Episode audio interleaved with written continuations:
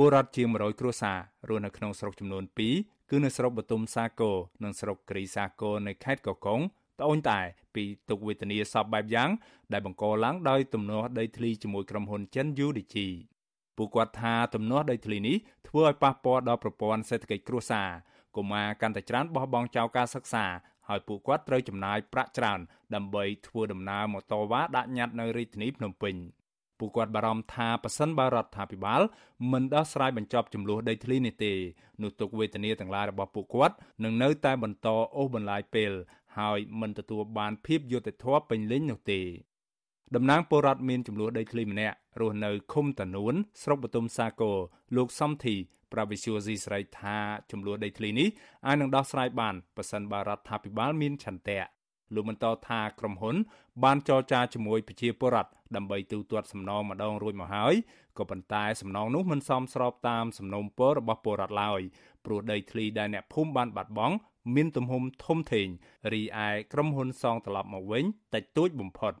លោករំលឹកថាតំណាងក្រុមហ៊ុនធ្លាប់បានចុះកិច្ចសន្យាថានឹងផ្ដល់សំណងជូនពលរដ្ឋស្របតាមតម្លៃដីនៅលើទីផ្សារដោយក្នុងមួយគ្រួសារទទួលបានដីចំនួន5ហិកតា និងប្រាក់ពី6000ទៅ8000ដុល្លារក៏ប៉ុន្តែតាមការអនុវត្តជាក់ស្ដែងវិញក្រុមហ៊ុនមិនបានគោរពតាមកិច្ចសន្យានោះទេ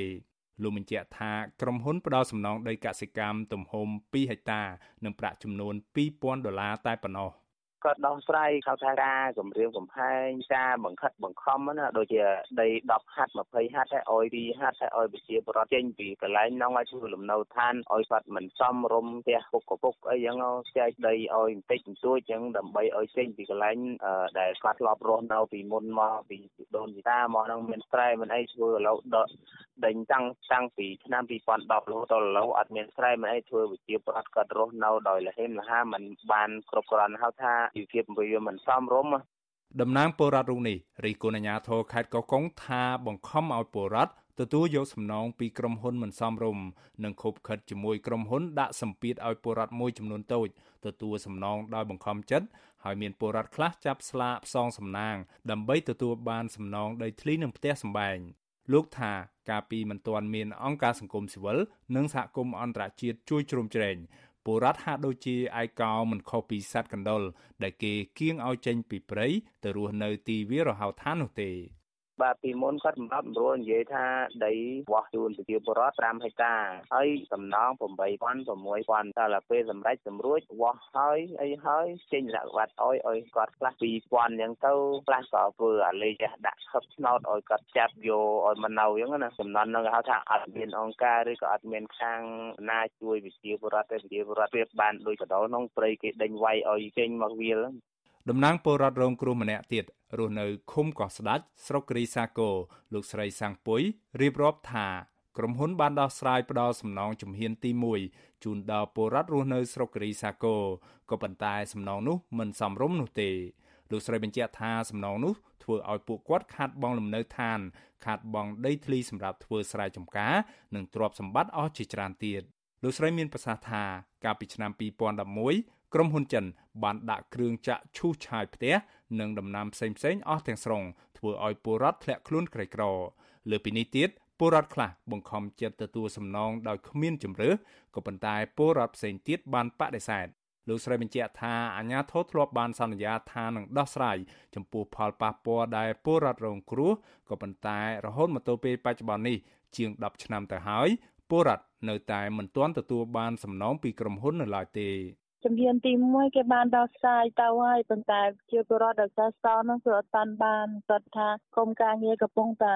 រកដំណោះស្រាយហ្នឹងគាត់បានតែនិយាយអញ្ចឹងតែវាមិនទាន់បានដោះស្រាយឲ្យប្រជាពលរដ្ឋបានគាត់សងអត់ពេញទំហំដែលដីប្រជាពលរដ្ឋមានកាលពីមុនណាប៉ុន្តែកាលនោះ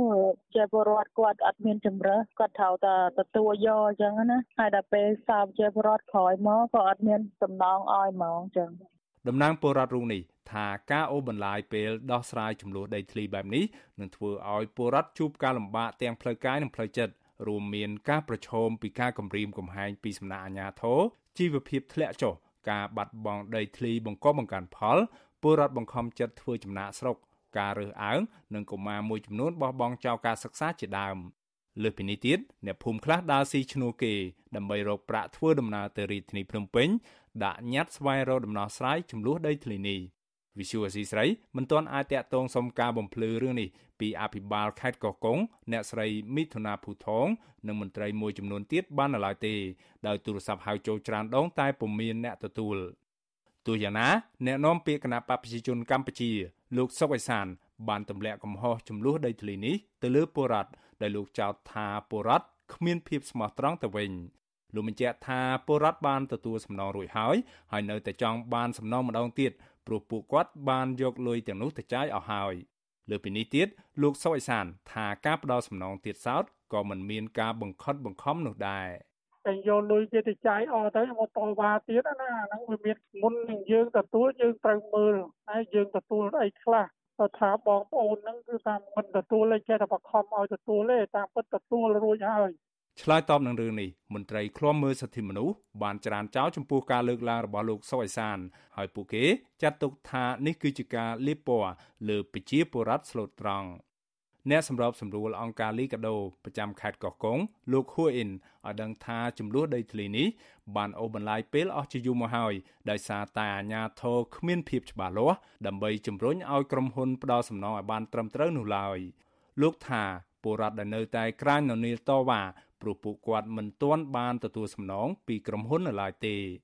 លោកសង្កត់ធ្ងន់ថាពលរដ្ឋមិនបានឆោបោកឬរំលោភបំពានលើក្រុមហ៊ុននោះទេ ផ្ទុយទៅវិញទេ មានតែក្រុមហ៊ុនប៉ុណ្ណោះដែលបានរំលោភបំពានលើសិទ្ធិនិងដីធ្លីរបស់ពលរដ្ឋដែលបានឈូសឆាយបំផ្លាញផ្ទះរបស់ពួកគាត់ព្រោះថាគោលការណ៍ដោះស្រាយគេបានកំណត់ច្បាស់ណាប៉ុន្តែពេលដែលអនុវត្តជាក់ស្ដែងគឺសំណងមិនបានអនុវត្តទៅតាមនឹងទេចំណែកដែលប្រជាពលរដ្ឋដែលកំពុងតែធ្វើការតវ៉ាហ្នឹង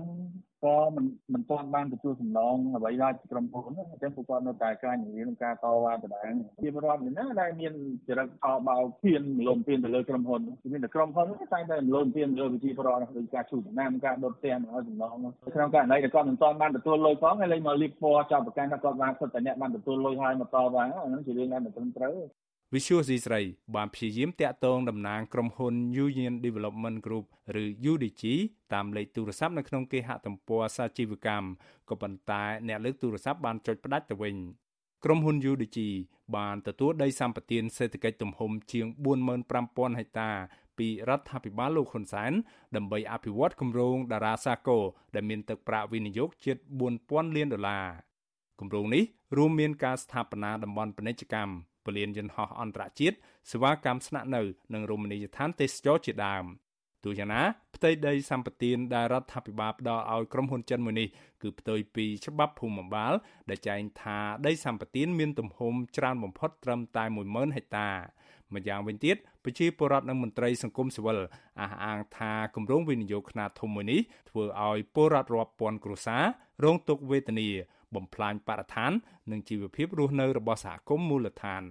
ក្រសួងរដ្ឋាភិបាលអាមេរិកបានប្រកាសដាក់ទណ្ឌកម្មបង្កកទ្រព្យសម្បត្តិលើក្រុមហ៊ុន UDG នៅខែកញ្ញាឆ្នាំ2020ដោយសារតែក្រុមហ៊ុននេះមានជាប់ពាក់ព័ន្ធទៅនឹងអំពើច្បាមយកដីធ្លីរបស់ពលរដ្ឋខ្មែរករណីរំលោភបំពានសិទ្ធិមនុស្សធ្ងន់ធ្ងរនិងអំពើពុករលួយនៅកម្ពុជាក្រសួងរដ្ឋាភិបាលជាតិអាមេរិករកឃើញថាក្រុមហ៊ុន UDG គឺជាក្រុមហ៊ុនដែលគ្រប់គ្រងដោយរដ្ឋអំណាចចិនហើយកំពុងប្រតិបត្តិការដោយគ្មានចំណាត់ការណាមួយពីសំណាក់របបលោកហ៊ុនសែននោះឡើយជាពិសេសក្រុមហ៊ុននេះបានពង្រីកផ្ទៃដីលើឧទ្យានជាតិបទុមសាគរដែលជាតំបន់អភិរក្សថែមទៀតក្រមប្រជាពលរដ្ឋដែលនៅតែតវ៉ាអះអាងថាពួកគាត់គ្មានចង់បានអ្វីក្រៅពីសំណងតាមតម្លៃទីផ្សារនោះឡើយពួកគាត់ទាមទារឲ្យរដ្ឋាភិបាលធ្វើជាអាជ្ញាកណ្ដាលក្នុងការដោះស្រាយចំនួនដីធ្លីជាមួយក្រុមហ៊ុនចិននេះ